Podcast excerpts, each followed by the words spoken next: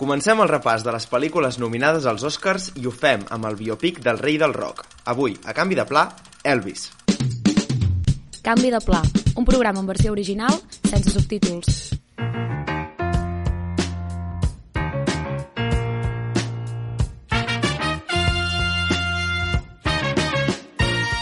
Benvinguts i benvingudes a un nou episodi de Canvi de Pla. Inaugurem el nostre seguiment especial de la 95a edició dels Premis Oscars i això vol dir que entre avui i el dia 12 de març, quan s'entreguen les estatuetes, repassarem totes les nominades a millor pel·lícula i analitzarem qui té més opcions de victòria a les principals categories. Comencem, doncs, amb Elvis, la biografia del llegendari cantant que dirigeix Baz Luhrmann i protagonitza un Austin Butler amb moltes ganes d'Oscar. També els acompanya Tom Hanks, que encarna el coronel Tom Parker, mànager de l'estrella pel·lícula que podeu trobar a HBO i per comentar-la tenim com sempre els nostres col·laboradors, els nostres amics, els nostres companys, els nostres cinèfils de capçalera com són el Pau Torres. Què tal, Pau, com estàs? Molt bé, content, content. Ja sabeu que l'època dels Oscars és, és el meu Nadal, per tant, estem fantàsticament bé.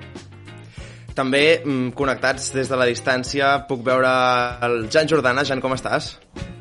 Hola, hola a tothom, amb ganes de parlar de cinema i més aquesta època que en teoria són les millors pel·lícules de l'any.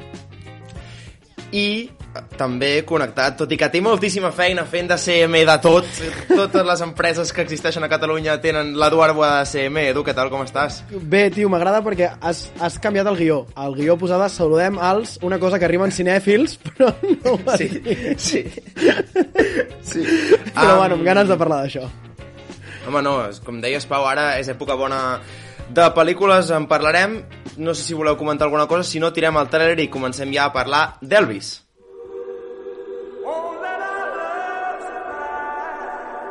There are some who'd make me out to be the villain of this here story. Let's don't let a good thing die.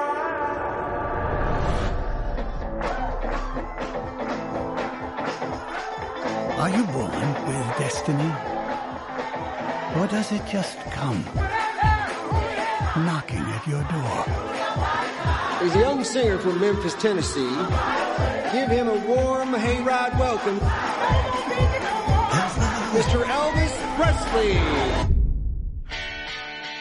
Vuit estatuetes són les que opta aquesta pel·lícula sobre Elvis Presley, és la quarta amb més nominacions, com hem dit a l'entrada es pot veure a HBO Max, llegeixo ràpidament les vuit nominacions, és a millor pel·lícula, a millor actor per Austin Butler, llavors algunes de tècniques com són so, disseny de producció, fotografia, maquillatge i perruqueria, disseny de vestuari i finalment muntatge. I el primer que us volia demanar és, eh, tenint clar que estem parlant d'un biopic, si creieu que funciona com el relat de la vida o una aproximació a la figura d'Elvis Presley.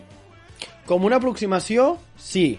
Com una bona biopic, jo crec que absolutament no. I... Argumenta. Començant perquè la- l'acostament és molt... O sigui, en, en tant de posar-nos en, en escena del que va significar l'Elvis, jo crec que ho fa molt bé, perquè ens fa veure doncs, aquest fenomen que, que és l'arribada d'Elvis eh, per la música i el que se posa, però tal i com està muntat, sobretot el personatge de Tom Hanks, crec que és una bala per... O sigui, tipus, s'han equivocat amb la direcció de, de la pel·lícula i per mi, doncs, no sé, no, no, no acabes d'agafar tot el que es podia haver tret d'una pel·lícula així. Jo aquí no coincideixo tant amb tu, Edu, i és que eh, sovint em feia la sensació que estava veient més un documental que una pel·lícula. Eh, T'haig de dir que tu parles o deies que, que no aconsegueix doncs, eh, transmetre el que és la figura d'Elvis. No, això sí, que, a això sí que ho no- fa, eh? Això sí que ho fa, jo crec. Sí, però... Pues No m'agrada com ho coincidim. Crec que ho fa, crec que ho aconsegueix. És a dir, els, els que són fans veritables d'Elvis Presley crec, posaria amb el foc que han gaudit molt de, molt de la pel·lícula. Però jo, personalment, no, no m'ha transmès eh, la dimensió del fenomen i la immensitat que va, que va significar Elvis Presley i crec que quan es fa una pel·lícula, un biòpic eh, d'una rockstar, això és una de les coses més importants que ha d'aconseguir i amb mi no ho ha aconseguit. A veure, jo crec que estem davant d'una pel·lícula on no li interessa el seu protagonista. Vull dir, és, Gràcies. és això, o sigui, al final 100%. tu estàs fent un biopic, una pel·lícula musical sobre un artista i sembla que no t'interessi el director. D'entrada decideixes que la narració és del, del seu mànager i quasi que tota l'estona estàs més pendent del mànager que no de l'Elvis en si. I a més, li dones molt poc per lluir-se. O sigui, trobo que estem davant d'una pel·lícula que és més mm, un vehicle per anar-te mostrant espectacle i coses que no narrar-te la història d'Elvis. 100%, Pol. O sigui, vull dir, Pau, la meva sensació va ser aquesta. Començant que la narració la faci el coronel Tom Parker, que a més és un Tom Hanks, sentit. un Tom Hanks que no ve gens de gust de veure, No. o sigui, fa una mica de fàstic, no hi empatitzes ni per lo, ni, ni per lo empatitzar de pobre, ni de empatitzar de, vaya, bueno, més que empatitzar, anar en contra, no? Aquest, aquest és la persona que va contra Elvis. No, no, no té cap gràcia en l'argument, i ell, quan es pot lluir, i aquí és on vull destacar la- l'actuació de, del nostre estimat eh, Austin Austin, Butler. Butler, quan fa, per exemple, quan ell pot estar a escena cantant, es llueix, però, però ho peta, per exemple, sobretot quan fa el, la cançó el, la, If I Can Dream, que és idèntica, allà és per aixecar i ficar-se en peus. I tot i així, en aquella escena no és qui té més protagonisme. És que la mostra de, de que la pel·lícula no funciona i que alguna cosa va malament és que una pel·lícula que té 8 nominacions als Oscars, que està coprotagonitzada per Tom Hanks, Tom Hanks, una estrella llegendària de Hollywood, que en cap moment de la campanya va ser considerat com a possible nominació. És estranyíssim, és una cosa molt estranya. I el que et demostra és que el personatge de Tom Hanks no està funcionant bé, perquè si no, hagués sigut un clar actor nominat actor secundari, amb una, amb una mena de frau de categoria, però se n'hagués parlat i no ha passat. Saps qui sí que l'ha tingut en compte les nominacions? Els Premis Razzie, perquè de fet està nominat com a, actor, com a pitjor actor secundari de l'any per Elvis, pobre Tom Hanks, que té dues nominacions als Razzies, que són aquests anti-Oscars, també com a actor principal per posar la veu de Gepetto a Pinocho. Jo crec que una mica exagerada la nominació per, per actor secundari al Razzie aquest de, com a pitjor Però actuació. el Ell no està Razzies- malament, és el maquillatge que, que, li, que clar, és el que deia l'Edu. El- El maquillatge està fàstic. nominat. No, no, no, però vull, Jo crec- no, o sigui, com que te'l canvien tant, tu dius, val, i, i per què Tom Hanks està fent això? Però això no vol dir que, no, que ho faci malament.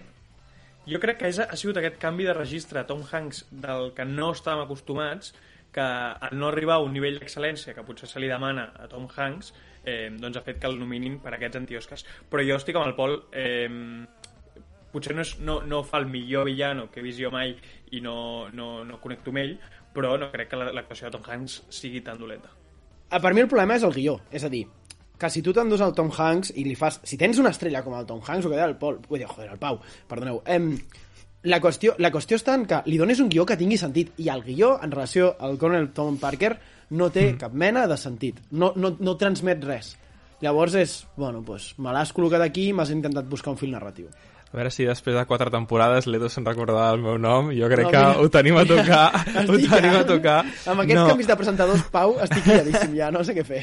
no, però sí que volia dir que ja és significatiu que estiguem parlant de Tom Hanks quan és una pel·lícula d'Elvis i no fa d'Elvis. Vull dir, d'entrada, Ja. això ja vol dir Sí. coses. També és veritat que és una pel·lícula llarguíssima, llarguíssima. Són dues hores 40, que és completament innecessari perquè no és aquest tipus de pel·lícula. Hi ha altres pel·lícules, ja en parlarem, però com Tar, que crec que està molt més justificat, no ets aquest tipus de pel·lícula i a sobre de ser una pel·lícula tan llarga, m'inclous molt pocs moments musicals. A mi em falta Uh. Elvis cantant cançons icòniques, fent performances icòniques. Això ho hem vist en altres pel·lícules molt millor. De fet, en les grans altres pel·lícules d'aquest format, que són recentment Bohemian Rhapsody i Rocketman, ho fan molt millor. A mi aquí em falten moments icònics, no els tinc.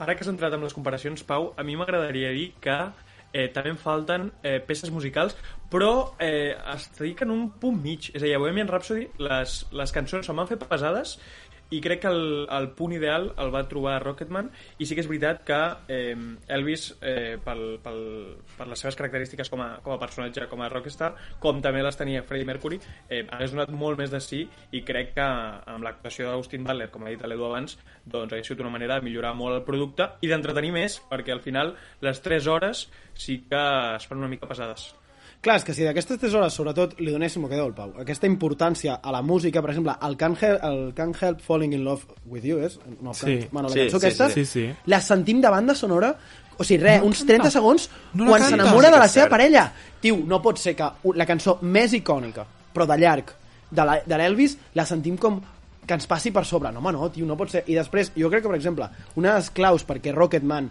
és el que és, és que la vida del... O sigui, la trajectòria d'aquella pel·lícula és les cançons del Delton ens van portant cap per la pel·lícula. Aquí són com episodis.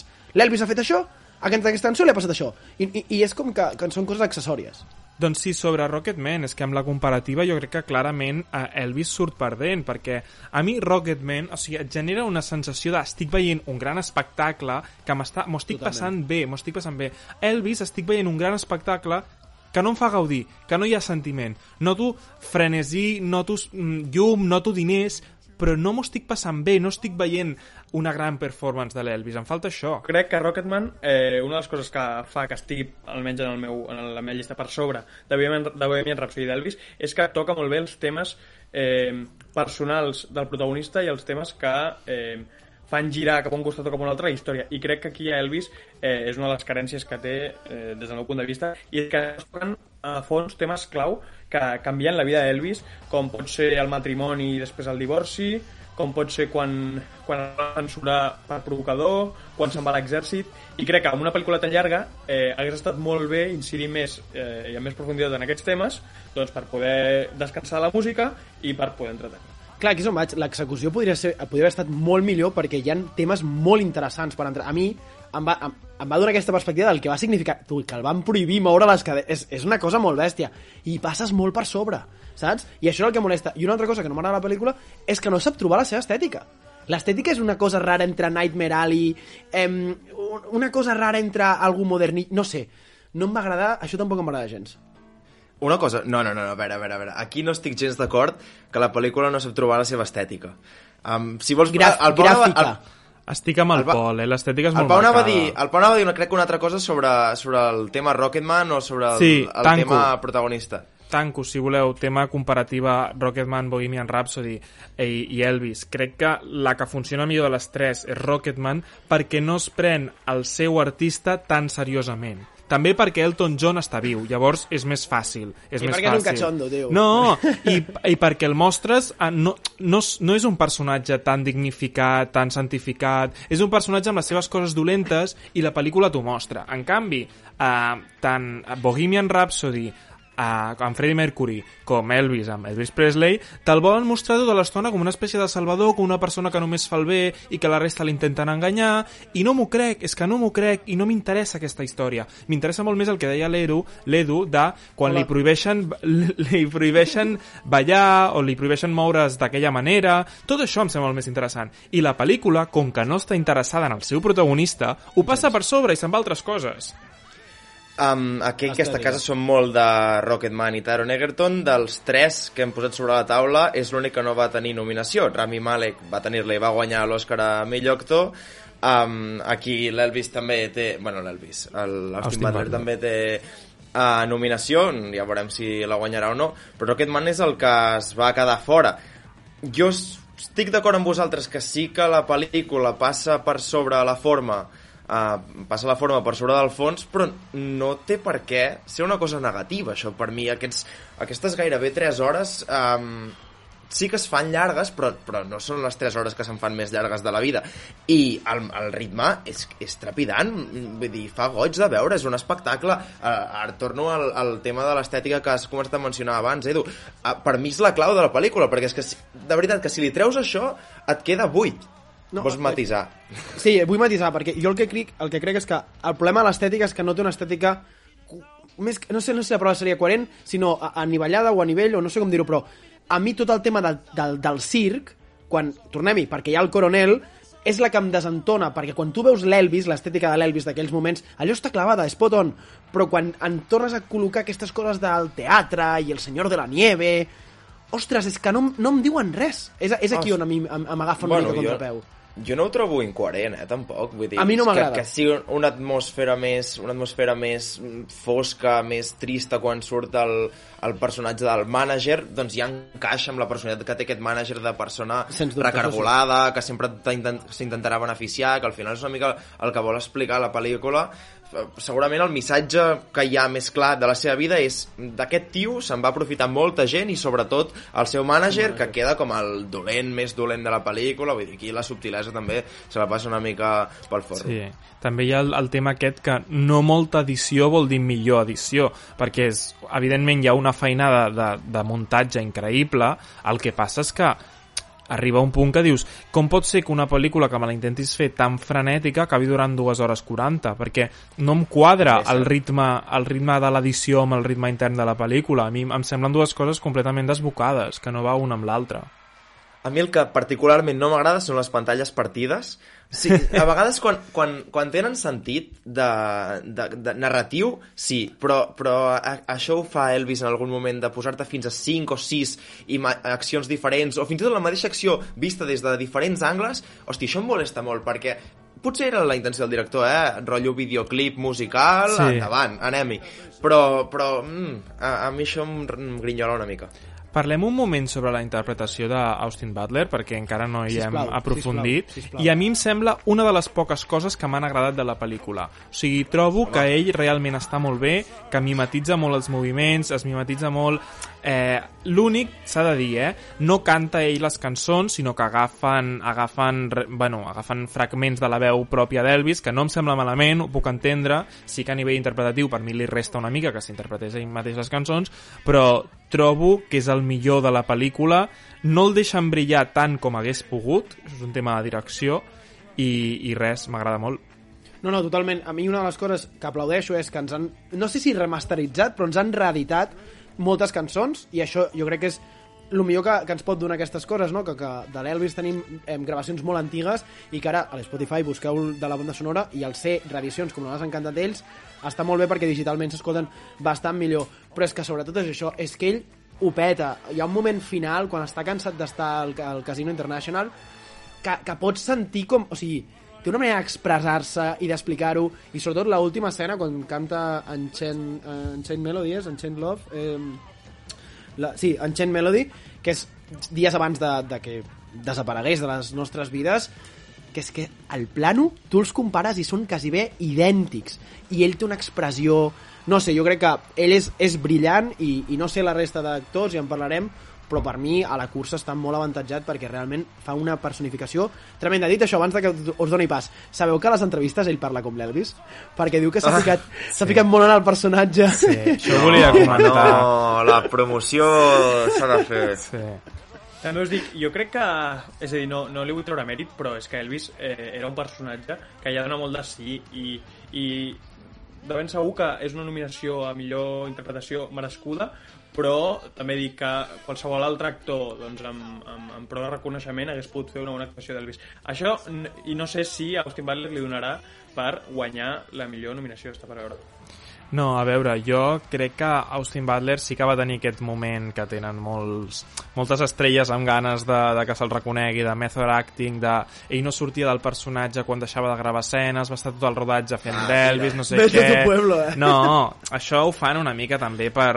Bueno, per intentar demostrar que són els millors, per tenir, tenir coses a dir a la premsa durant la carrera als Oscars i és una persona que realment s'ho està currant molt en el sentit promocional. Ell vol guanyar l'Oscar, descaradament, que em sembla bé, eh? Vull dir, jo estic a favor de la gent que no té vergonya de dir-ho i d'admetre-ho i de, de la purpurina que és Hollywood.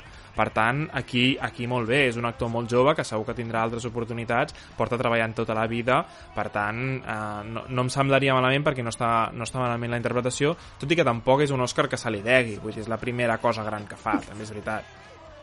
Sí, sí.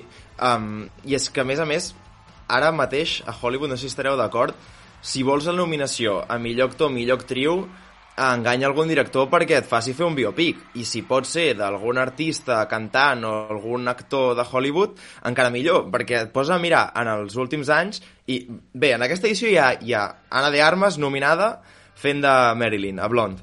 Mm, pel·lícula desastrosa, però clar, ell, ella té la nominació, perquè si ella està bé, ella està bé. L'any passat teníem Andrew Garfield a Tic Tic Boom fent de Jonathan Larson, amb el 2021 entre actors i cantants Mank, Gary Oldman, Ma Rainey, Viola Davis, Billie Holiday i Andra Day, totes tres nominades. Uh, 2020 guanya Judy amb René Zellweger, Taron Egerton no va tenir nominació i com deia, dos, com hem contat abans, 2019 Freddie Mercury. El resum és, si vols ser nominat, fes un biopic, Sí, sí, això és una cosa que ha passat tota la vida i seguirà passant a Hollywood perquè al final és una demostració de tècnica. La teva capacitat d'adaptar-te als moviments i a la manera de parlar d'una altra persona i seguint-ho fent natural és una demostració de tècnica actoral molt bona. I no em sembla malament, però també s'ha de valorar altres interpretacions i a vegades sembla que si no estiguis imitant a una cosa que ja ha passat no et puguin nominar l'Oscar perquè no estàs fent res de valor, quan en realitat potser fins i tot té més valor o té un valor diferent haver de crear des de zero un personatge orgànic, un personatge natural. Sí, i a mi a vegades amb aquestes interpretacions em passa, perdona la metàfora esportiva, Pau, amb, amb, com amb aquells jugadors que són molt bons en el seu equip i, i fan molts gols, però, però l'equip és una merda.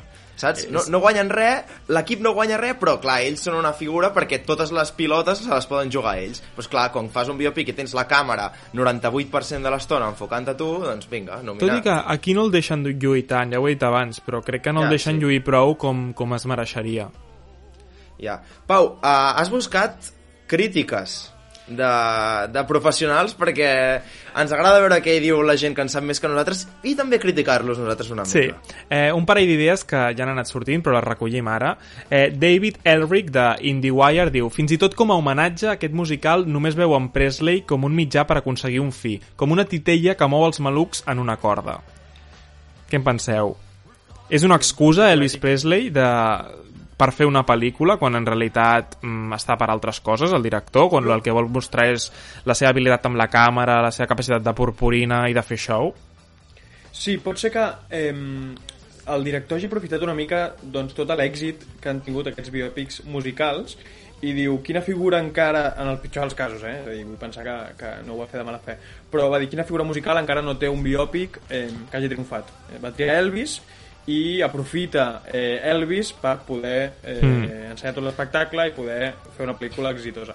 Però no creieu que si, per exemple, li haguessin donat blond a Baz Luhrmann i ens oblidéssim del blanc i negre i la introspecció del papanates d'Andrew Dominic no estaríem davant d'una millor pel·li de Marilyn Monroe amb tot aquest espectacle de, de color Són molts de llum, condicionals, eh, Pol? uh, muntatge picadíssim però, en plan no, però potser no és el que vols ensenyar de Marilyn Monroe. No ho sé, eh? bueno, eh, eh, el que enseny... una cosa és el que vols ensenyar l'altra cosa és el que acabes ensenyant Sí, però que potser la història de Marilyn Monroe és com el món l'ha tractat injustament i no, no ho sé, no ho sé. Jo crec que Baz Luhrmann ja el tria volent mostrar múscul, o sigui, amb un Sí. punt egocèntric, amb un punt egocèntric. Ha fet tota la vida, no? Ah, segueix, segueix, segueix. No, vaig a, vaig a la segona crítica de David Smith, de The Atlantic, que diu La pel·lícula és una experiència força desordenada, de vegades funciona com un musical en tota regla, altres vegades s'oblida de mostrar el talent colossal del seu protagonista a l'escenari. A mi em sembla devastador que et diguin això quan estàs parlant d'una pel·lícula basada en Elvis Presley.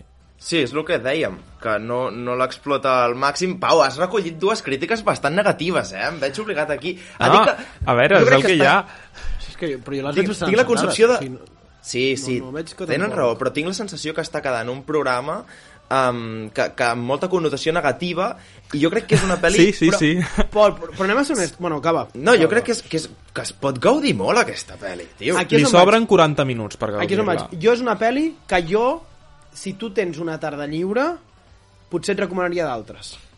Vale, Saps? vale. És a dir- per... agafo això, agafo això, agafo això, Edu. Em recomanaries, per exemple, Moulin Rouge abans 100%. que aquesta i el Gran Gatsby? 100%. Sí, segurament. Perquè O sigui, les, o sigui les no, és ni, no és ni de conya la millor pel·li de Baz Luhrmann Ni de per res, no? Ni de ben a prop. I, I només et diria, si de veritat t'interessa molt la figura, és a dir, l'Elvis és una cosa que et crida, entra-hi. Però si no, realment, jo no te la recomanaria perquè són 2 hores 40, que sí, que, no passa, que són molt picades, eh? Però, tio, que 2 hores 40 són un muntó, eh? I, i m'has donat alguna més, llavors m'ha interessat molt la persona... És a dir, la pel·li ha ser molt bona perquè si no m'interessa el personatge, m'interessa la pel·li. I jo només t'ho recomanaria si de veritat vols fer la inversió de temps de ostres, l'Elvis m'interessa, doncs a veure què m'han d'ensenyar. Va, Pol, perquè no t'enfadis, diré coses positives de la pel·lícula. Ah, a, ba vale. a banda del que he dit ja d'Austin Butler, sí que és veritat que té moltes nominacions a Oscars de categories més tècniques, on realment Ara, ara. la pel·lícula està molt bé. Està molt bé a nivell de vestuari, està molt bé a nivell de maquillatge i perruqueria, encara que no Però ens digues per què, digues convèncer per Tom, què. Tom Hanks. Digues qui té el talent a la casa. Digues qui té el talent a la casa del senyor Lursman. T'ho deixo, t'ho deixo dir a tu, perquè el Pol ha fet una investigació i ha descobert una cosa. No, perquè és que, el, ah, primer de tot, estem parlant d'una pel·li dirigida per al marit de Catherine Martin, això és com ens hauríem d'estar referint a aquesta pel·li, perquè Catherine Martin és la, la directora de... com es diu? Bueno, de tot el que vindria a ser art, o maquillatge, perruqueria, mm, ha guanyat millor vestuari, millor, millor direcció artística per Gran Gatsby, ha guanyat millor vestuari, millor direcció artística per Moulin Rouge i està nominada a millor vestuari i disseny de producció, que vindria a ser direcció artística per Elvis. O sigui, qui porta el metall a casa no és el senyor Bass. és qui potser qui li aporta el punt positiu a la pel·lícula, perquè és el que justament estava dient que són els, els aspectes on la pel·lícula és més bona i on fins i tot si no t'agrada la narrativa o et sembla una pel·lícula fluixa, que es nota per les nominacions, perquè és a millor pel·lícula, a millor actor i la resta ja són qüestions més tècniques com so, on Sí. realment excel·leix molt per aquesta transformació i remasterització de la veu i així, però s'oblida de director, s'oblida de guiós... Vull dir, els acadèmics en el fons pensen una mica com nosaltres. Podríem Sí, dir que la sa- Catherine és qui té el talent, perdó, eh? Vull dir... Clar, clar, clar, sí, sí, sí. sí. Aquí, qui ha, qui ha portat estatueta a casa només és una cosa. Exacte. Que, per cert, um, curiosament, uh, Moulin Rouge i Elvis tenen les mateixes nominacions calcades. Si canviem que la, en lloc de millor actor per Elvis hi ha millor actriu a Moulin Rouge, però tota la resta són iguals. Imagina. El senyor Bass fa de les seves. Um, acabem amb musiqueta, no? no sé, Edu, t'ha agradat la banda sonora? Sí, tio, la veritat que m'ha encantat aquesta remasterització i jo us ho dic, amb el, aquest especial del comeback del 68 amb la cançó If I Can Dream em va deixar, però, tocadíssim, així que si voleu, l'escoltem de fons.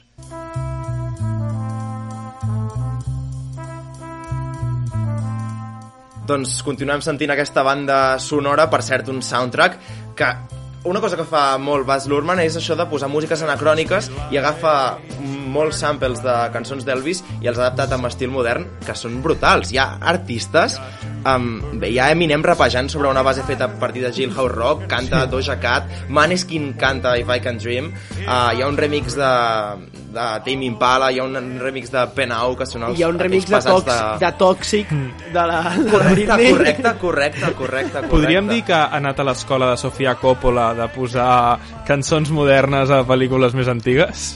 Podríem dir que sí. Home, eh, Eminem... Bueno, és que clar, Eminem també és un referent que tela. Però sentir el, el, el hip-hop amb la base de, de Jailhouse Rock eh, m'agrada, m'agrada bastant, eh? La veritat que sí. Doncs, amb tot això, primer repàs fet, mmm, en queden nou, els, ja els anireu trobant a les nostres xarxes habituals, Twitter, Instagram, els podcasts estan a Spotify, a iVox, eh, després també farem el programa abans dels Oscars especial amb tota la prèvia, amb tots els pronòstics i amb, al final la carrera dels Oscars.